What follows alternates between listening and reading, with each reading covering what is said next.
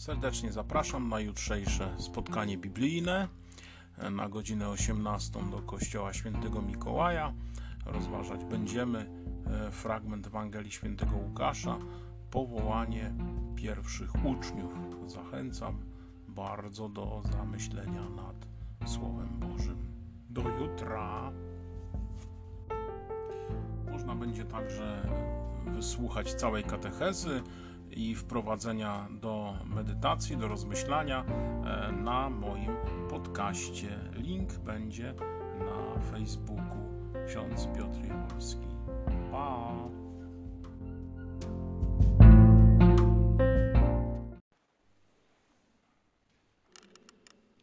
Niech będzie pochwalony Jezus Chrystus.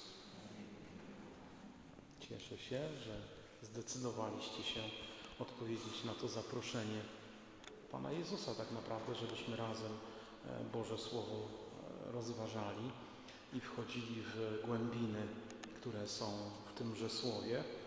E, ta myśl o, o tych spotkaniach powstała w mojej głowie, kiedy stwierdziłem, że bardzo często czytamy fragmenty Pisma Świętego, szczególnie fragmenty Ewangelii i gdzieś tam z różnych powodów ich często nie rozumiemy albo, albo trudne są dla nas jakoś do przyjęcia.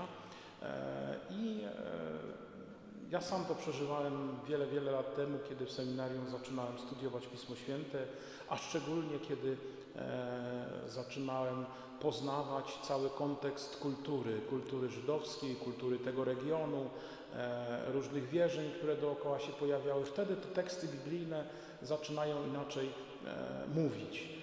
Drugi moment, kiedy, w którym e, jeszcze lepiej jakoś e, zaczęło do mnie przemawiać e, słowo Ewangelii i w ogóle Pismo Święte, to był taki moment chyba prawie już 10 lat temu, kiedy pierwszy raz, może więcej nawet, kiedy pierwszy raz byłem w Ziemi Świętej i kiedy mogłem razem z innymi pielgrzymami chodzić po tych drogach, ścieżkach, po których chodził Pan Jezus i, i inni patriarchowie Izraela.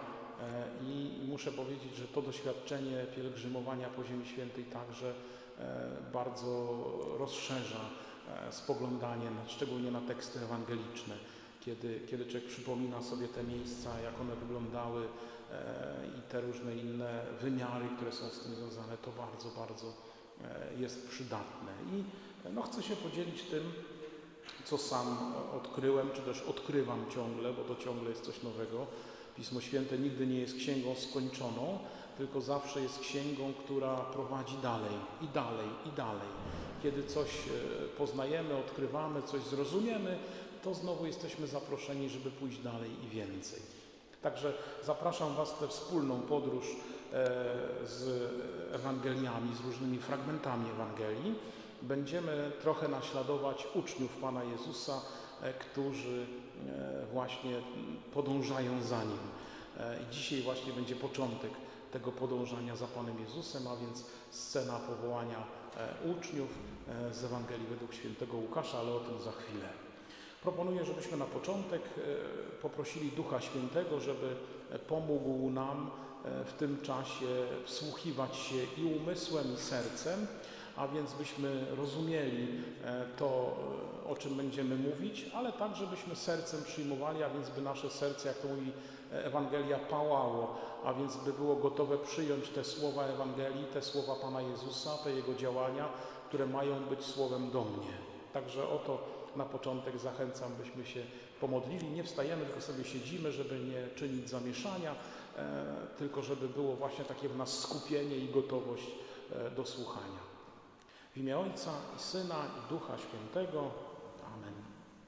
I zapraszam Was, by każdy z Was w głębi swego serca, w swoim umyśle e, prosił właśnie o Ducha Świętego, by ten zagościł, by ten pozwalał na wsłuchanie się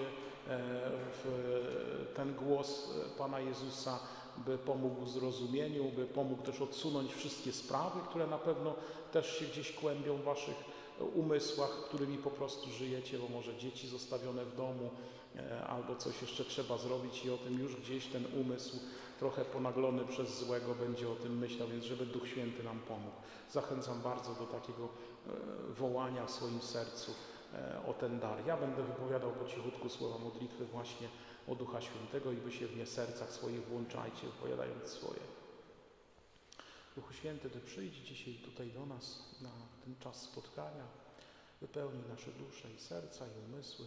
Pozwól nam odkrywać, kim jest Bóg. Pozwól nam odkrywać, kim jest Jezus. Pozwól nam odkrywać Jego drogę. Zabierz z naszych umysłów i serc e, sprawę dnia dzisiejszego, to co już przeżyliśmy, co może było jakieś obciążające, trudne, denerwujące, to zabierz. Zabierz także to, co mamy jeszcze przed nami, co jeszcze dziś wieczorem jest do zrobienia, do wykonania.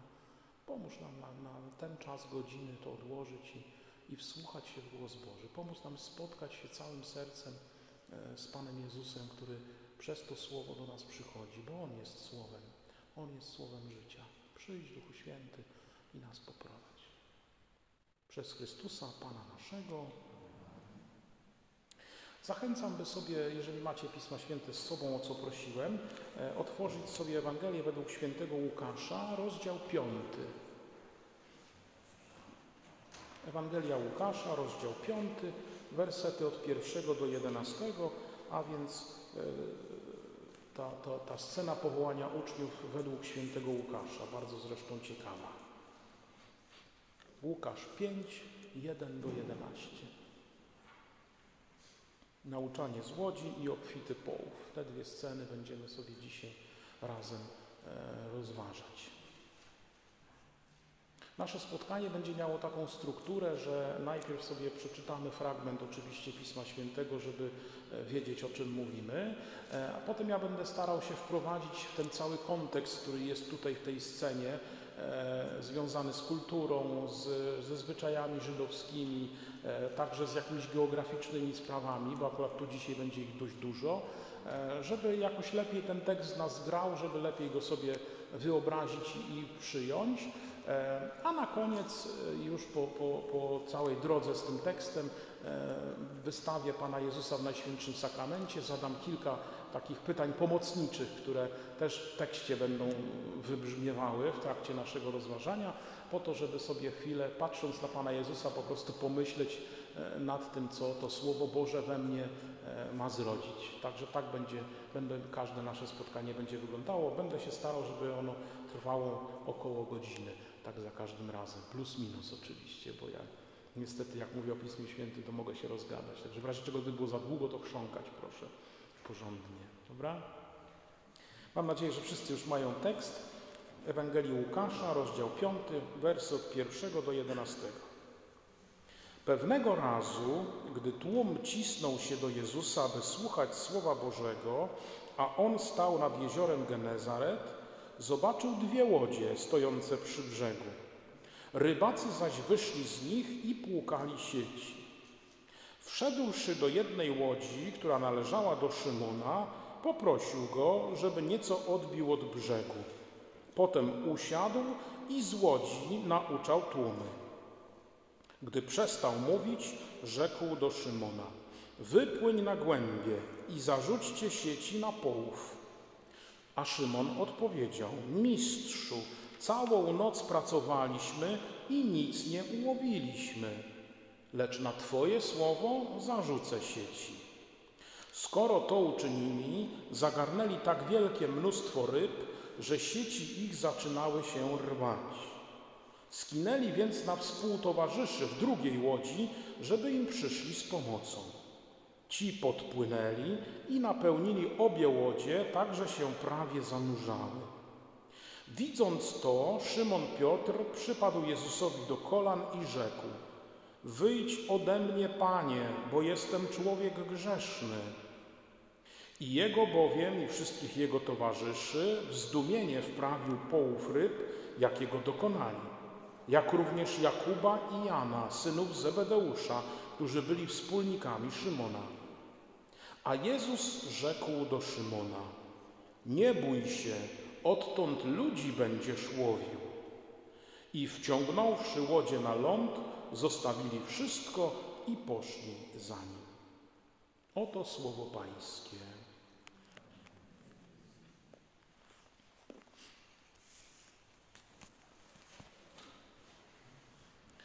Myślę, że fragment znany, aczkolwiek zwykle, e, gdy czytamy go podczas mszy świętej, to jest raczej podzielony na te dwie części. Pierwszą właśnie, kiedy Pan Jezus z tłumem e, musi sobie poradzić i naucza z łodzi, i ta druga część, kiedy już dokonuje tego powołania, cudownego połowu i powołania e, swoich uczniów. My dzisiaj łączymy te fragmenty, bo one są z sobą nierozerwalnie E, spięte, że tak powiem, ciągiem wydarzeń, e, czasem i miejscem.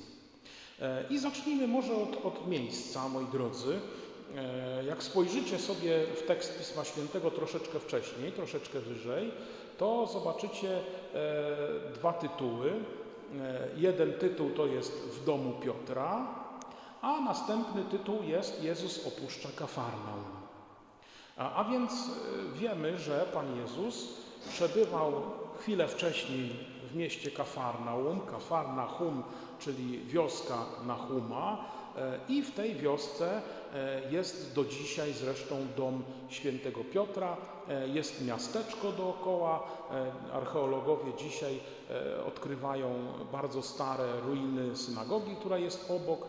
Na domu świętego Piotra, a w zasadzie na jego ruinach, postawiona jest dzisiaj bardzo nowoczesna, moim zdaniem nieładna, ale to jest moje zdanie, e, świątynia e, katolicka, którą opiekują się ojcowie franciszkanie i tam można e, w tym miejscu życia świętego Piotra i jego rodziny przeżywać spotkanie z Panem Jezusem. A więc zobaczcie, co się też stało w tym domu świętego Piotra, bo to będzie znaczące. Otóż jak czytaliśmy parę tygodni temu, Pan Jezus przychodzi do świętego Piotra i okazuje się, że jego teściowa jest e, chora, że leży w gorączce e, i Pan Jezus ją uzdrawia i ta kobieta jest gotowa im e, posługiwać, pomagać i zaczynają przynosić do Pana Jezusa tych wielu chorych i On trochę się ewakuuje, że tak powiem, przed tym dzikim tłumem ludzi, którzy, którzy chcą doznać cudu uzdrowienia i idzie na brzeg morza, omijając właśnie, opuszczając do Kafarnaum. A więc jest Pan Jezus, moi drodzy, nad brzegiem jeziora i czytamy, że dzieje się to pewnego razu, kiedy tłum ciśnie się do Jezusa, by słuchać Słowa Bożego, a On stoi nad jeziorem Genezaret. A więc wyobraźmy sobie e, miejsce, jesteśmy poza miastem, nad brzegiem jeziora, Pan Jezus stoi na samym brzegu jeziora i tłum wielki, który się ciśnie do Niego i który e, na Niego e, naciska, który, wiecie, jak to ludzie, którzy chcą dokładnie usłyszeć, chcą zobaczyć, wiedzą, że to jest ktoś szczególny, znaczący i po prostu się pchają coraz mocniej, coraz mocniej. Nie wiem, wystarczy sobie przypomnieć te sceny, kiedy e, przyjeżdżał do, do naszej ojczyzny ojciec święty Jan Paweł II, prawda? Kiedy staliśmy blisko, to każdy tam chciał tego ojca świętego choćby najmniejszym paluszkiem dotknąć, no mając świadomość, że to jest właśnie ktoś szczególny, że to jest ktoś święty, możemy dziś powiedzieć, i że chcielibyśmy choćby dotknięciem jakąś odrobinę łaski z niego naczerpać. tu jest podobnie. Ten tłum ludzi, który się zebrał nad tym brzegiem, naciska na Jezusa tak, że go w zasadzie spycha e, do wody. Co jest pięknego w tym tłumie, e, to to, że czytamy, zobaczcie, tłum cisnął się do Jezusa, aby co zrobić? Słuchać Słowa Bożego, pisze ewangelista Łukasz. A więc co to oznacza? To oznacza, że ci ludzie mają świadomość, że nie przyszli słuchać byle czego i byle kogo a więc ci ludzie mają świadomość, że oni przyszli słuchać Słowa Bożego, a więc tego Słowa, które Pan Bóg przez Pana Jezusa wypowiada. Czyli gdzieś podskórnie ta wiara w tych ludziach jest. Przypomina nam to, że to słowo głoszone przez Pana Jezusa jest właśnie słowem samego Boga, słowem Boga, które On kieruje do ludzi. I tu powinna nam przyjść na myśl Ewangelia według świętego Jana, sam początek tej Ewangelii i tam przypominamy sobie te słowa, a Słowo stało się ciałem, prawda? Więc zobaczcie, jak to pięknie nam tutaj e, się objawia, że ludzie przychodzą, by słuchać Słowa Bożego i przychodzą do Jezusa, który jest tym Bożym Słowem, Bożą obietnicą, która jest tutaj prawdziwie przed nimi, jest ciałem. A więc to jest piękne w tej postawie ludzi, którzy cisną się do Jezusa, żeby, żeby usłyszeć Słowo Boga. I pierwsze pytanie, które warto sobie dzisiaj postawić później, kiedy będziemy e, modlić się już wewnętrznie tym słowem, czy ja właśnie mam taką gorliwość, mam takie pragnienie, by usłyszeć słowo Pana Boga? Czy jest we mnie e, takie zaciekawienie, kiedy słucham słowa Ewangelii albo czytam je w domu na modlitwie? Czy przypadkiem nie jest tak, że ono dla mnie jest takie trochę powszednie, że ja czytam i myślę sobie, ojej, już to znam. Czytam to od 20, 30, 50, 80 lat i jakoś tak nic. Czy jest we mnie to pragnienie, żebym usłyszał coś więcej, żebym to Słowo Boże w mojej umyśle i sercu e, zaistniało i żeby to prawdziwie był głos Pana Boga do mnie, do mojej duszy, do mojego życia, do mojej sytuacji. Czy jest we mnie to pragnienie? Oto dzisiaj Pan Jezus nas na samym początku e, bardzo mocno zapytuje, pokazując nam tych ludzi, którzy cisną się do Jezusa, spychając Go w zasadzie już do wody, e, po to, żeby usłyszeć to Słowo Boże. Czy jest we mnie taka gorliwość, czy jest we mnie taka chęć, czy jest we mnie właśnie to, to pragnienie usłyszenia Słowa Boga, spotkania się z żywym Słowem Boga? Bardzo ważne pytanie, które na początku tego tekstu, zobaczcie, Pan Jezus nam dzisiaj stawia. Zatrzymajmy się teraz chwileczkę e, po tym wprowadzeniu, które Łukasz nam czyni, e, nad samym jeziorem. Jezioro Genezaret, tak jest tutaj określone, e, zwane też w Biblii, w Nowym Testamencie jeziorem Tyberiackim, od Tyberiady, która jest największym chyba miastem nad samym jeziorem. I Talmud, czyli taki komentarz żydowski do Pisma Świętego, mówi, że kto nie widział jeziora galilejskiego, nie widział w życiu niczego pięknego. Cicha muzyka trzcin, poruszanych przez wiatr, doskonale oddaje tę nazwę zbiornika. Tak mówi księga żydowska, czyli Talmud. I faktycznie, kiedy miałem okazję być nad jeziorem galilejskim, robi ono ogromne wrażenie. Dlatego, że kiedy stoi się na jednym brzegu, na przykład w Kafarnaum e, albo, albo w innym miejscu i spogląda się na jezioro, to ono robi naprawdę wrażenie morza. Dlaczego? Dlatego, że nie widać drugiego brzegu. A więc widzimy aż po horyzont wodę. Jest tak ogromne, tak potężne. I ma też taką cechę jezioro galilejskie, że e, kiedy jest bardzo wzburzone, to e, potrafi osiągać bardzo wysokie fale, takie jak, jak na morzu się osiąga e, fale bardzo wysokie przy tym no jak się nazywa na morzu? No sztorm był, właśnie, tak, widzicie, uciekło mi słowo. To tak jest. Szczególnie kiedy wschodzą wiatry ze wschodniego brzegu, czyli z nad gór i schodzą bardzo gwałtownie, tak jak nasze e, halny w górach trochę, mają bardzo wysokie e, wartości e, przyspieszenia, do 100 km na godzinę nawet. I wtedy właśnie te fale są tak potężne, że wszyscy rybacy e, uciekają bardzo prędko z morza, kiedy wiedzą, że zbliży się taki szkwał, taki sztorm, więc trzeba uciekać, bo naprawdę te fale mają po kilkanaście metrów wysokości. A więc zachowuje się to jezioro z tego powodu wielkości jak morze. I stąd czasami ta nazwa morze też się pojawia. Nazwa sama Genezaret po hebrajsku brzmi Kinneret. Kinneret pochodzi od, znowu od słowa, które określa pewien instrument ówczesny, czyli harfę bądź cytrę. I jak się spojrzy na mapę, to faktycznie widać, że ono ma taki kształt takiego jakby wygiętego dzbanuszka z uszami. Nie? To jest właśnie ten kształt harfy ówczesnej, starożytnej. E, jeszcze tutaj kolorytu dodają te góry, które są tu u góry i tu po prawej stronie, a tu z lewej strony jest pewna równina, bardzo żyzna. To jest właśnie tutaj Galilea, ta kraina e, bardzo e, zdatna do e, uprawy e, wszelkich warzyw czy zbóż. Oprócz tego oczywiście Morze Galilejskie e, jest tym źródłem e, połowu ryb, e, ale o tym za chwilę i, to widać doskonale w czasach Pana Jezusa. To słowo morze, o którym mówimy, ta nazwa morze, tak jak mówię, ono się głównie pojawia w Nowym Testamencie.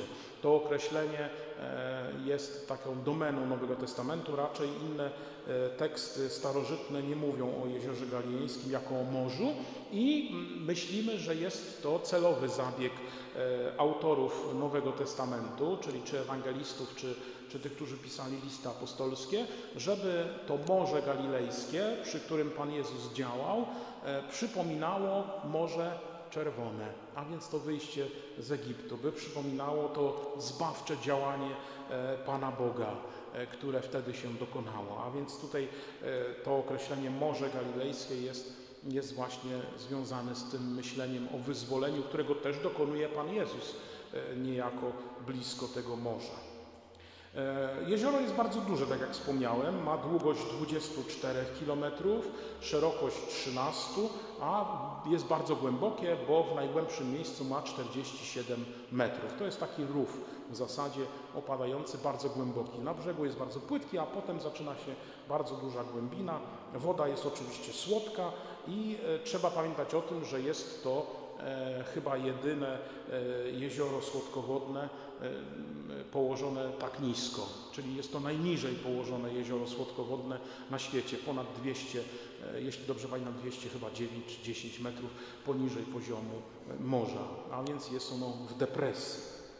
E, I tak jak wspominałem, to, to jezioro, to Morze Galilejskie, ono jest taką naturalną granicą. Razem z tymi górami, które są od północy i tutaj od wschodu, to Morze Galilejskie jest pewną taką naturalną granicą pomiędzy terytorium żydowskim, tutaj po, tu jest morze, więc to jest tutaj po, po, po tej stronie, między terytorium żydowskim a terytoriami pogańskimi.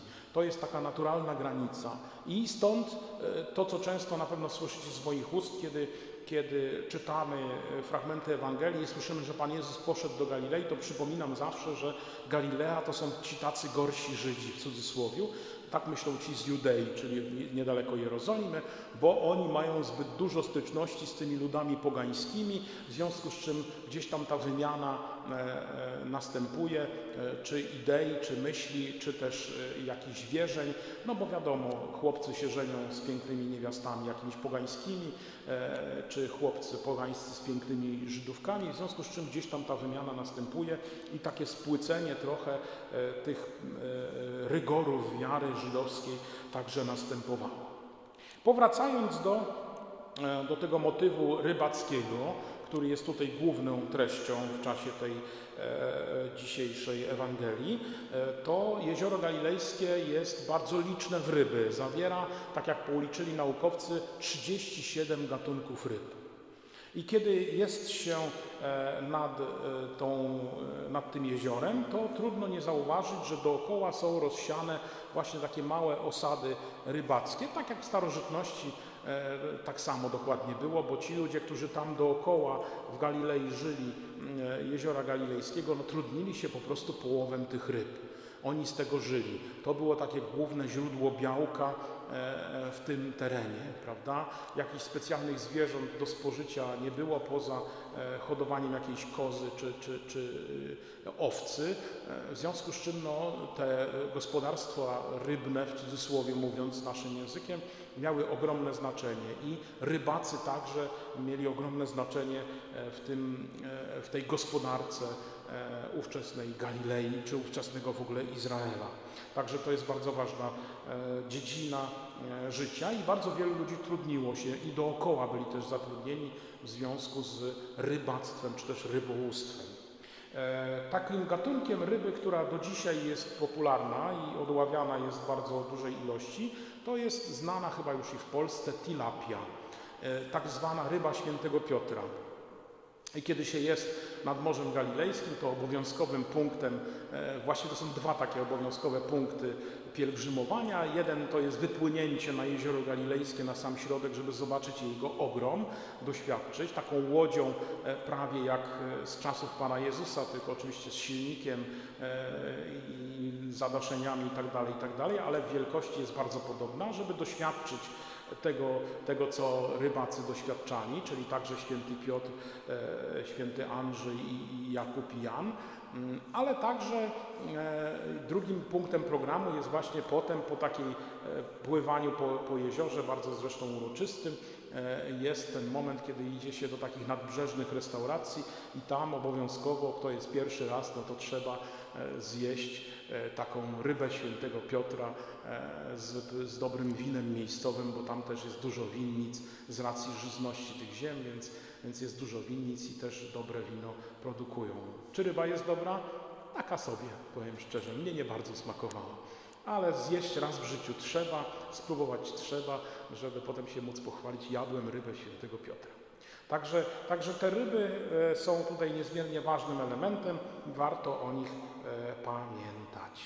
I tak jak czytamy dalej, drugi wers, bo wracamy do, do tekstu biblijnego, czytamy, że Pan Jezus, kiedy podszedł, zobaczył dwie łodzie stojące przy brzegu. Rybacy zaś wyszli z nich i płukali sieci. I to nad jeziorem galilejskim był zwyczajny widok, że rano po nocnym połowie e, rybacy czyścili sieci. To jest oczywista sprawa, że jak się już wszystkie ryby wyciągnęło, kiedy się je rozdzieliło, bo też pamiętajmy o tym, że nie wszystkie ryby e, były koszerne, a więc nie wszystkie ryby Żyd mógł spożywać. One musiały mieć łuski e, i, i i płetwy koniecznie, te ryby. Inne już były nie do spożycia, więc albo rybacy je wypuszczali, czyli wyrzucali je z powrotem do jeziora, ale częściej sprzedawali je po prostu nie Żydom, czyli Rzymianom albo innym poganom, którzy w ówczesnym czasie się pojawiali, prawda? Ale tu mamy, zobaczcie, opisane, że rybacy płukali sieci, że je czyścili, że siedzieli sobie na brzegu, czyli to jest ta myśl, która już za chwilę się pojawi już dosłownie, a więc prawdopodobnie nałowili tylko śmieci. A więc nałowili jakichś wodorostów, nałowili jakichś, jakichś e, e, wyrzuconych do, do wody śmieci, po prostu musieli te sieci, płukać, musieli te sieci wyczyścić. Połów był zupełnie e, nieudany i szykują się do tego, żeby następnego dnia, w zasadzie następnej nocy czy nad ranem znowu wypłynąć i znowu spróbować łowić. Nie? To wiemy oczywiście z kontekstu tego dzisiejszego tekstu, że, że faktycznie ten połów był nieudany i że te sieci trzeba było po prostu wyczyścić.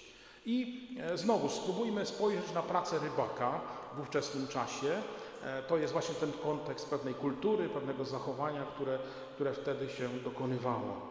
Tak jak powiedziałem, między wierszami rybacy wypływali e, na, na to jezioro galilejskie wieczorem i najczęściej pływali całą noc, e, zarzucając sieci, wyciągając je. Często przyświecali sobie pochodniami, które też e, ponoć wabiły ryby, ułatwiały też widoczność oczywiście. I kiedy przypływali na ten brzeg, to tak jak wspominałem, trzeba było te ryby posortować. Te, te mogą jeść Żydzi, tych nie mogą, a więc się je wyrzuca albo się je sprzedaje, bo one są nieczyste, prawda? Bo prawo żydowskie zabraniało e, spożywać te ryby, które nie mają łusek, nie mają e, płetw.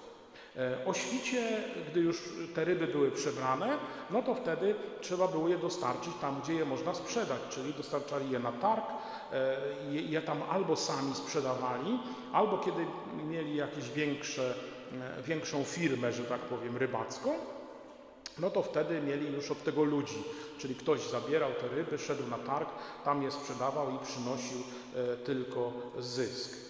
Natomiast rybacy po zakończeniu czy do sprzedawania tego, tych ryb, jeżeli byli biedniejsi i sami to musieli robić, e, czy, czy ci, którzy już byli wolni, kiedy, kiedy ktoś inny nam te ryby sprzedawał, no to właśnie zajmowali się tym zabezpieczaniem sieci, naprawą sieci, e, sprawdzeniem łodzi, tak żeby następnego wieczoru już się nie zastanawiać, tylko przyjść, wsiąść na łódź i wypłynąć w morze po to, żeby, żeby móc dokonać nowego połowu.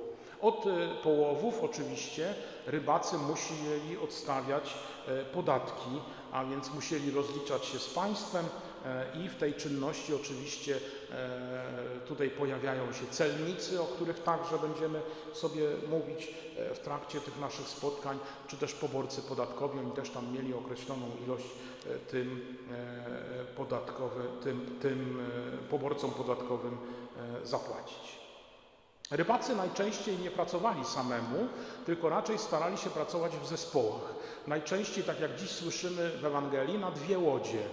E, to były najczęstsze zespoły. Albo były to takie grupy rodzinne, albo właśnie grupy jakichś ludzi, którzy się z sobą dogadali, blisko, blisko mieszkający obok siebie, tak jak mamy tutaj dzisiaj Piotra i Andrzeja, dwóch braci, i mamy synów Zebedeusza z ojcem Zebedeuszem. Oni prawdopodobnie razem tworzyli taką spółdzielnię wędkarską, można by powiedzieć, czy rybacką.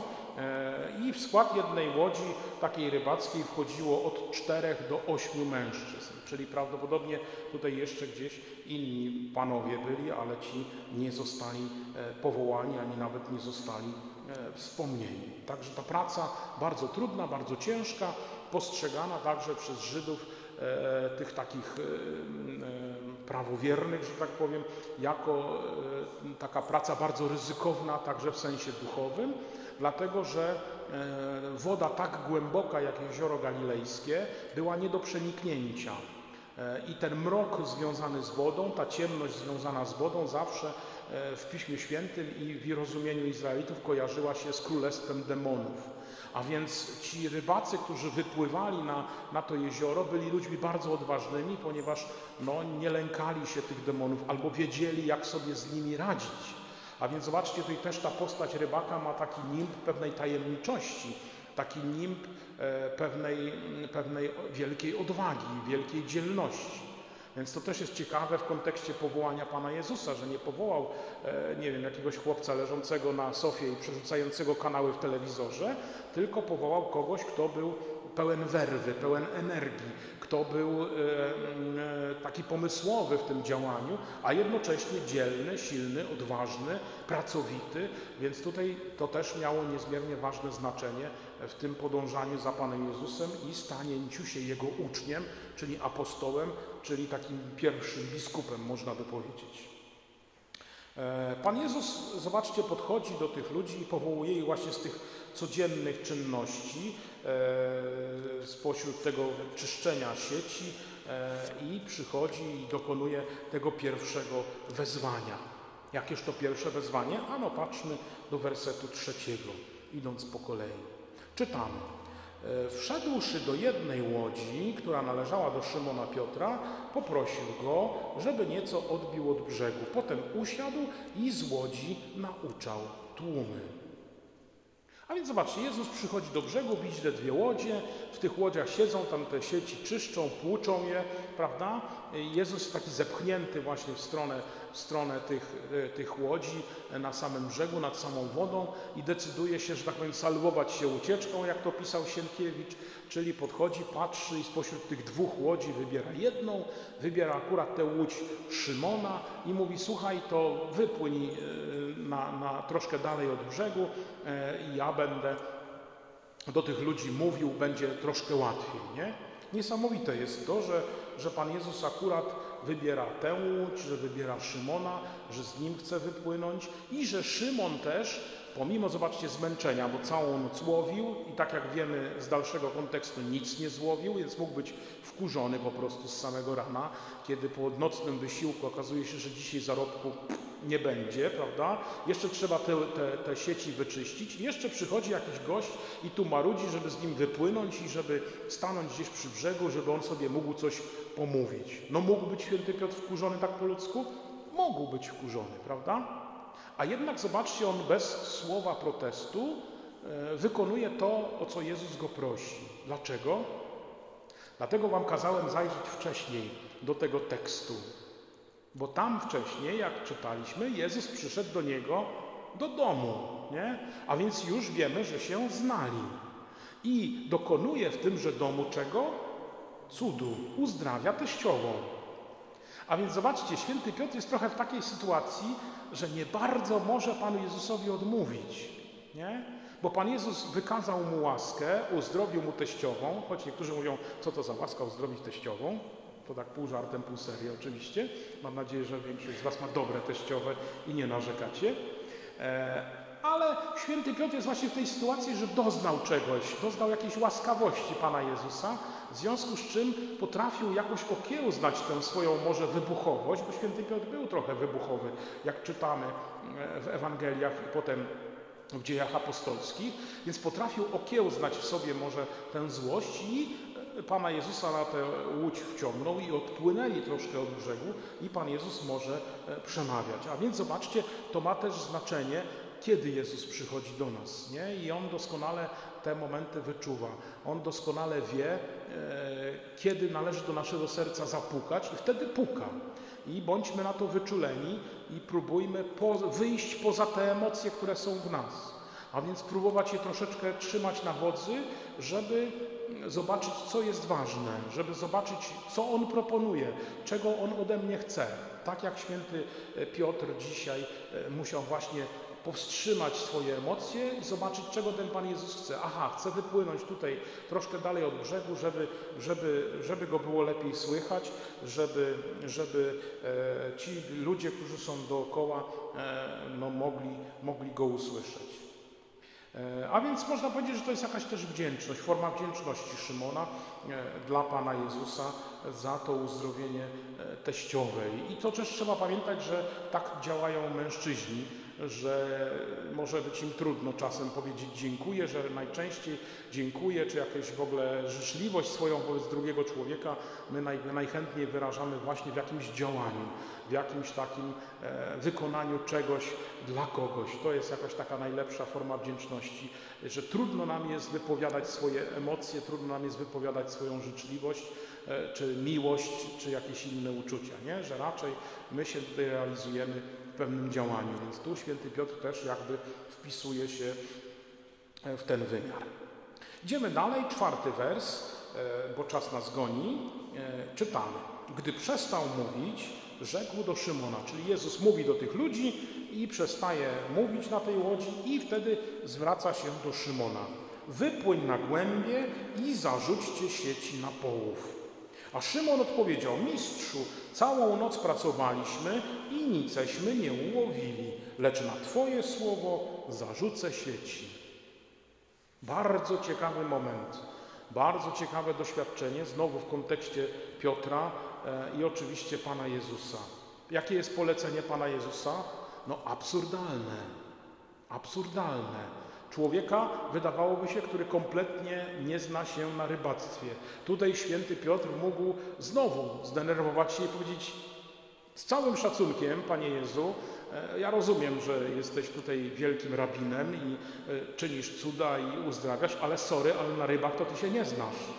Jeżeli w nocy nie złowiliśmy nic, a całą noc żeśmy łowili, to w dzień tym bardziej, w ten gorąc, w ten upał, w samo południe nic nie złowimy. I jeszcze mówisz do mnie, że ja mam wypłynąć tą łodzią na głębinę. No na głębinie to tylko głupi ryby łowi, tam się ryb nie łowi. Te ryby wszystkie w jeziorze galilejskim to raczej tutaj w tych płytkich regionach, przy brzegach. Tam daleko to się nie wypływa, nie ma potrzeby, nie, nie ma tam ryb. Mógł tak powiedzieć święty Piotr jako fachowiec, jako ktoś, kto się zna na rybach który zęby na nich zjadł, bo po prostu z tego żyje. Po ojcu odziedziczył e, ten interes, mówiąc e, naszym językiem. A jednak, zobaczcie, święty Piotr nic nie mówi, prawda? Mówi, ale protestuje oczywiście trochę, mówi, ale wiesz, no całą noc żeśmy łowili, nic żeśmy nie złowili, ale na Twoje słowo te sieci zarzucę. Nie? Niesamowita postawa. Czy ona jest jeszcze związana e, z doświadczeniem wcześniejszym, czyli znowuż z doświadczeniem mocy Jezusa, że przyszedł do jego domu w gości i uzdrowił mu teściową z gorączki, e, ciężkiej choroby wówczas, bo, bo, bo mogła prowadzić przecież do śmierci bardzo poważnie? Czy to się wiąże z tym? Możliwe. A więc to jest też takie wezwanie dla nas, żebyśmy w swoim sercu pielęgnowali te wydarzenia związane z naszą wiarą, z przyjściem do nas Pana Boga czy Pana Jezusa z naszej przeszłości, żebyśmy o nich pamiętali, bo one mogą w danym momencie, bardzo konkretnym, zrodzić w nas to, co w świętym Piotrze, a więc jakąś formę posłuszeństwa. Bo święty Piotr mógł spojrzeć na to tak, powiedzieć tak, tam Pan Jezus okazał swoją moc, uzdrowił ją, choć nikt jej nie dawał szans. No to tutaj, jeżeli mówi, że wypłyń na głębie, no to zrobię tak. Zobaczymy, co się stanie. Może znowu okaże się jakaś Jego moc. A więc zobaczcie, to doświadczenie dawne i słowa Pana Jezusa teraz budzą jakąś nadzieję w świętym Piotrze. Budzą e, jakieś zaufanie do Pana Jezusa, prawda? Bo wiemy, że już raz zadziałał, to i teraz tutaj się wykaże, że coś się stanie. Nie wiem co, ale coś się stanie. A więc to też jest ważne, żeby, żeby w swoim sercu szukać e, tego, tej ufności do Pana Jezusa, tego, e, tej wierności Panu Jezusowi. Żeby wypłynąć tam, gdzie się wydaje, a więc spojrzeć, wejść w to, że, gdzie nam się wydaje, że nic z tego nie będzie. I tak czasem jest w naszym życiu. Ja też parę razy takie historie przeżyłem, że Wydawało mi się, że z tego co robię, to a, to już tak, no zrobię, no bo trzeba. Nie wiem, zrobię to spotkanie z tymi bierzmowanymi, chociaż oni się buntują. Kiedyś wcześniej było bierzmowanie w siódmych klasach, to było bardzo trudno e, rozmawiać z tymi młodymi ludźmi, bo, no bo to jeszcze jest taki wiek, w którym oni się strasznie buntują i nie bardzo potrafią e, rozumieć pewne rzeczy, jest bardzo trudno się z nimi rozmawiało. Z tymi starszymi, ósme klasy czy pierwsze liceum jest już dużo fajniej, dużo lepiej, ale te, te szóste, siódme klasy były bardzo trudne, nie? I ja tak chodziłem do nich mówiąc sobie, dobra, no zrobię to, co trzeba zrobić, i, bo, ale nie widzę w tym nadziei. I okazywało się, że jednak Pan Bóg jakoś do tych serduchów docierał, e, że, że paru tych młodych ludzi przeżyło fantastyczne spowiedzi po wielu latach, że, że mm, e, jakoś tam Pana Boga spotkali e, i, i część z nich potem trafiała do takiej grupy młodzieżowej, która w tej parafii była. A więc mm, to, co ja przeżywam, to jest jedno, a to, co ja zrobię pod wpływem wezwania Pana Jezusa, czy Mu zaufam, czy wbrew swojej nadziei uwierzę tej nadziei, którą On daje, to jest to drugie. I święty Piotr, zobaczcie, e, to potrafił, prawda? Uwierzył słowu Jezusa, pomimo, że wszystko mu podpowiadało bez sensu. Nie? I czasem tak jest z nami, trzeba nam tę dawkę zaufania odrobinę e, wskrzesić i e, okazać. Idziemy dalej. Szósty wers, moi drodzy, e, a więc czytamy. Tutaj mamy szósty. Skoro to uczynili, zagarnęli tak wielkie mnóstwo ryb, że sieci ich zaczynały się rwać. Skinęli więc na współtowarzyszy drugiej łodzie, żeby im przyszli z pomocą. Ci podpłynęli i napełnili obie łodzie, tak że się prawie zanurzały. A więc zobaczcie, to zaufanie zadziałało, że tak powiem. Pan Jezus okazuje swoją boską moc. Znów przypomina, Szymonowi Piotrowi, ale też innym, szczególnie Szymonowi Piotrowi, zobacz, ja naprawdę jestem pełen mocy. Ja naprawdę mam ten dar Boży. Ja naprawdę jestem, może jeszcze nie w tym momencie, oni tego jeszcze w tym momencie nie rozumieli, ale naprawdę jestem człowiekiem i Bogiem. Jestem synem Bożym, który przyszedł po to, żeby objawiać Królestwo Boże, żeby pokazać to, że troszczę się o wszystko, także o tę obfitość. To jest niesamowite, że że ta postawa Pana Jezusa jest właśnie taka pełnym objawieniem, że wbrew przyrodzie, wbrew zwyczajom, On e, czyni coś wielkiego. Ten połów jest ogromny, taki, że aż sieci się rwą. I zobaczcie, że doświadczenie jakiegoś potężnego działania Pana Boga otwiera nas znowu na drugiego człowieka i oni kiwają do tych drugich, którzy pewnie przy brzegu stali dalej te łodzi, te sieci czyścili i wołają ich do siebie, więc jest ta chęć podzielenia się tym, co widzę, tym, co pochodzi od Boga.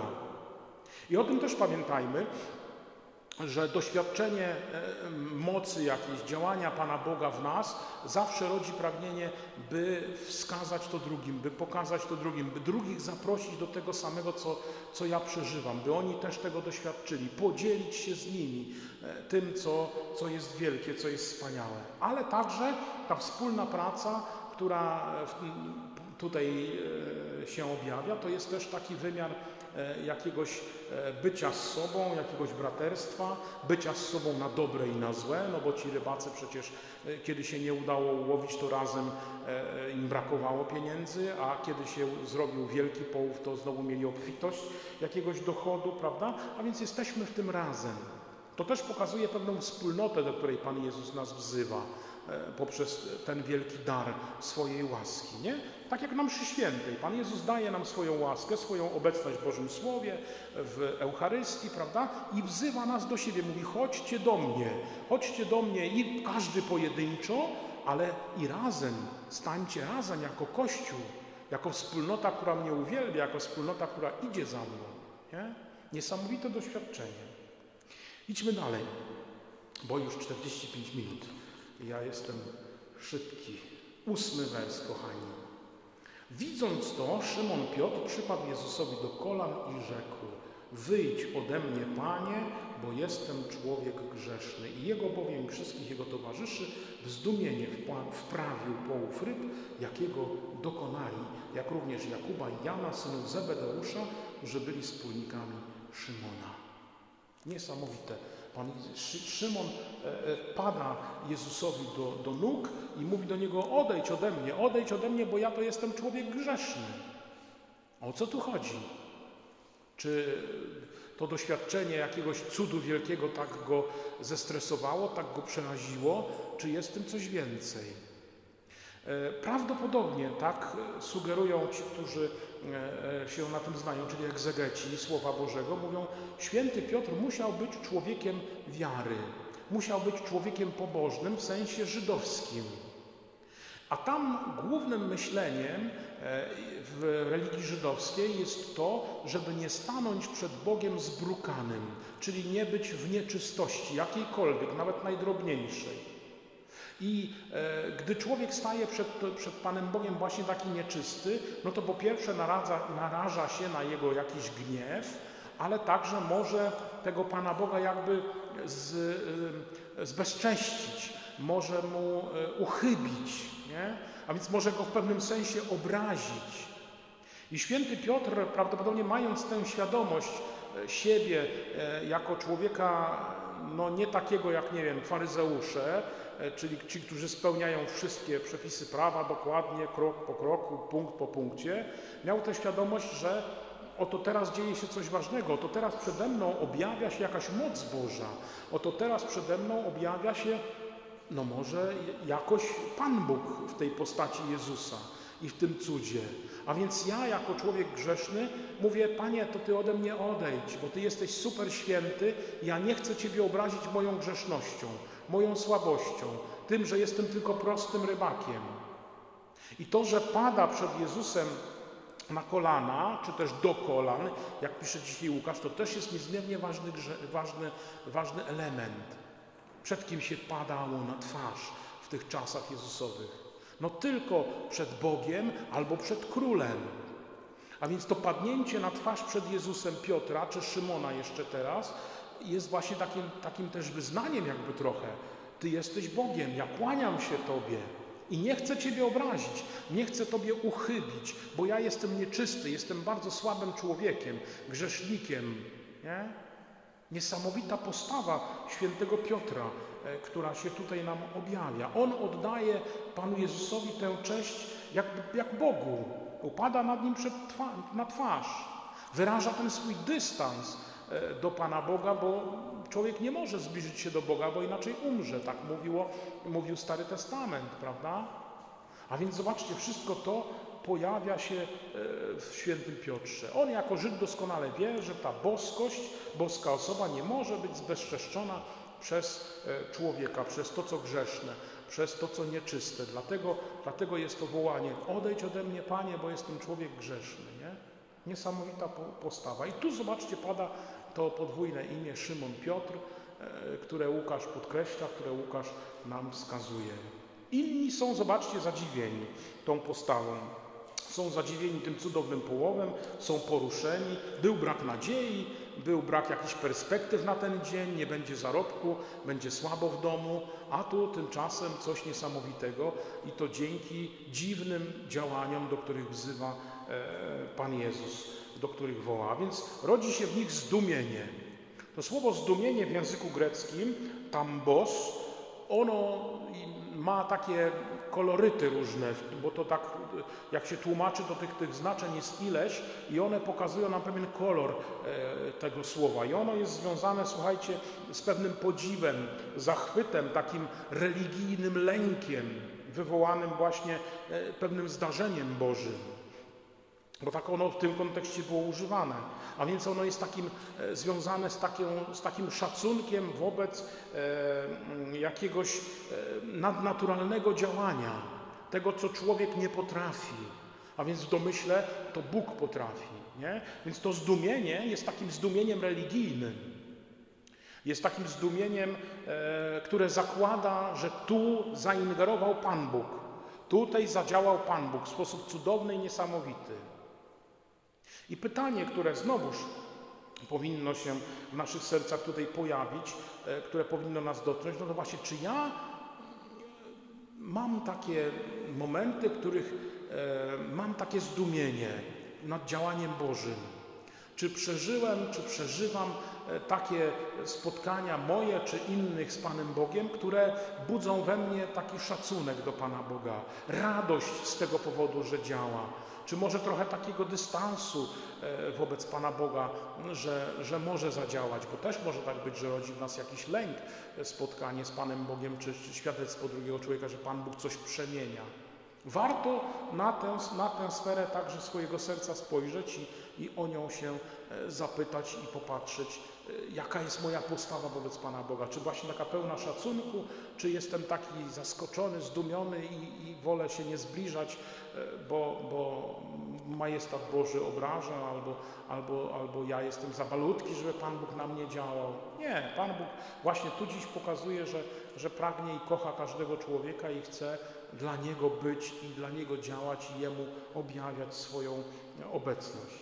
I co Pan Jezus mówi, słuchajcie, na koniec e, do świętego Piotra? Mówi, nie bój się, odtąd ludzi będziesz łowił. I wciągnąwszy łodzie na ląd, zostawili wszystko i poszli za Jezusem. Nie bój się. Na pewno kojarzycie, kiedy Pan Jezus jeszcze e, potem będzie te słowa wypowiadał. Nie bój się, nie lękajcie się. To papież często powtarzał.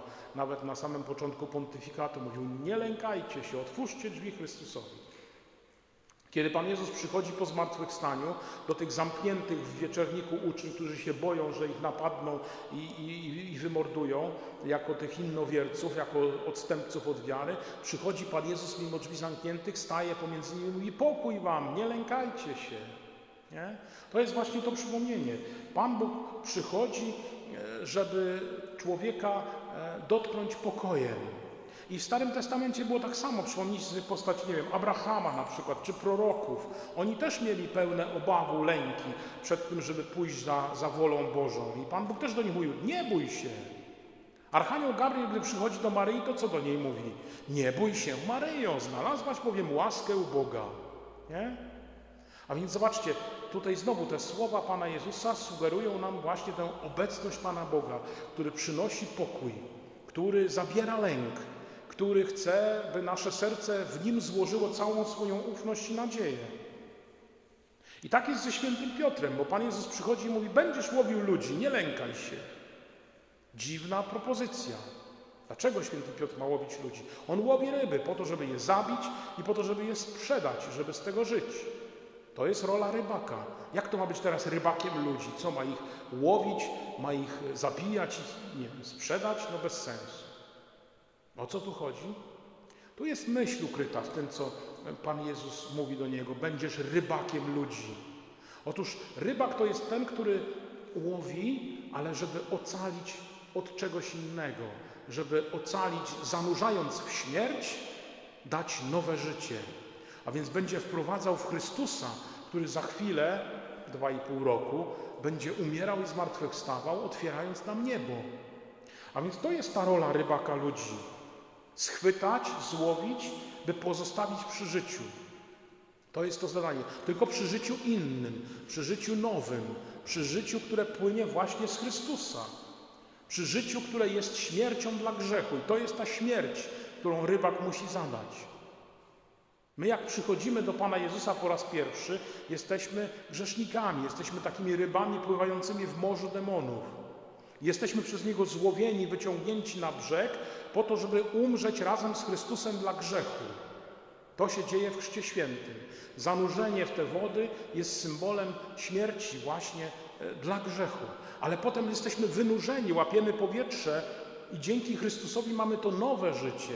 Życie w łasce, życie w Jego obecności, życie w bliskości z Nim, życie w przebaczeniu, życie w pokoju, który Pan Jezus właśnie dzisiaj też przynosi.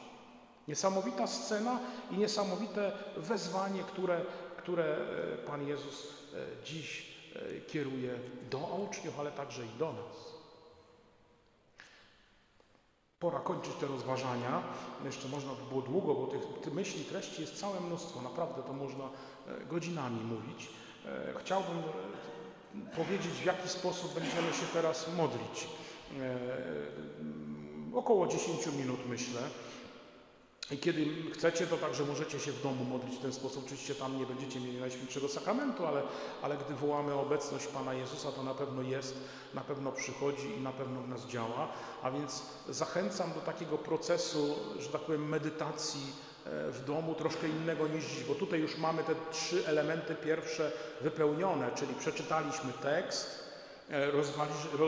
rozłożyliśmy ten tekst, że tak powiem, na czynniki pierwsze, czyli e, staraliśmy się zrozumieć, co, gdzie, o czym mówi, e, a teraz trzeba będzie się po prostu zatrzymać samemu, czyli zachęcam Was, jak wystawimy Pana Jezusa w Najświętszym Sakramencie, żeby sobie ten tekst jeszcze raz otworzyć i powolutku, zdanie po zdaniu sobie czytać i patrzeć w swoje serce, w swój umysł, co rodzi we mnie jakieś odczucie.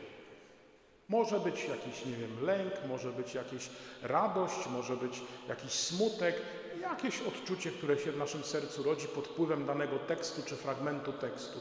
I nad nim się warto zatrzymać. I warto go drążyć, warto sobie zadawać pytania. e, I e, ja tutaj parę takich pytań e, przygotowałem, które, które mogą być przykładem właśnie e, do, do rozważania. A więc kiedy pierwszy raz usłyszałem Boże wezwanie? Bo dzisiaj mamy to wezwanie Pana Jezusa, choć będziesz rybakiem ludzi. Kiedy usłyszałem Boże wezwanie? Dawno to było, kiedy to było? Może sobie warto to przypomnieć. Albo jakie znaki Pana Jezusa już w życiu rozpoznałem, gdzie doświadczyłem Jego działania, Jego obecności. To też może być e, takie natchnienie, żeby sobie to przypomnieć. Albo przypomnieć sobie osobę, która mnie e, złowiła dla Jezusa. Kto mnie zachwycił Panem Jezusem, kiedy, kiedy Go szukałem, kiedy e, coś się może w życiu waliło i warto może tę osobę wspomnieć i ten moment.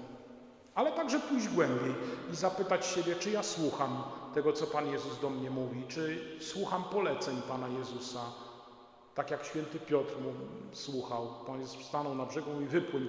Piotruś tutaj trochę od brzegu, ja z Tobą będziemy, będziemy głosić, nie? A potem wypłyń na głębie. Czy słucham poleceń Pana Jezusa? Czy słucham także tych poleceń, które są dla mnie trudne, bo tych łatwych to łatwo jest słuchać, ale może trudnych, związanych z jakimś wyśmianiem, e, czy, czy z jakimś e, złym spojrzeniem innych ludzi, z jakimś może ich potępieniem, czy słucham tych poleceń gdzieś wewnętrznych, które mi Duch Święty i, i Anioł Stróż podpowiadają, czy idę za nimi, czy też nie mam takiej odwagi. To też warto na to spojrzeć. Czy mam odwagę być też rybakiem ludzi, a więc czy chcę ich łowić dla Pana Jezusa. Czy z tego mojego zachwytu nim płynie właśnie to, żeby, żeby kiedy są na to gotowi im powiedzieć o Panu Jezusie, o przebaczeniu, o Jego miłości, o Jego dobroci?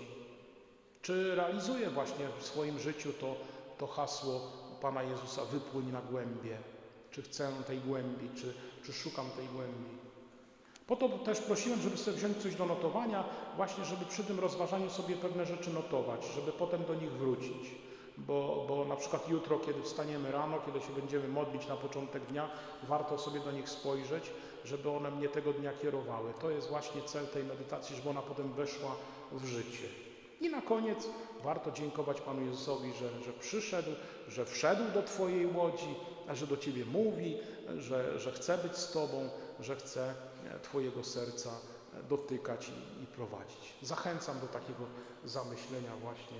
E, Pana Jezus, nad Panem Jezusem i Jego Słowem.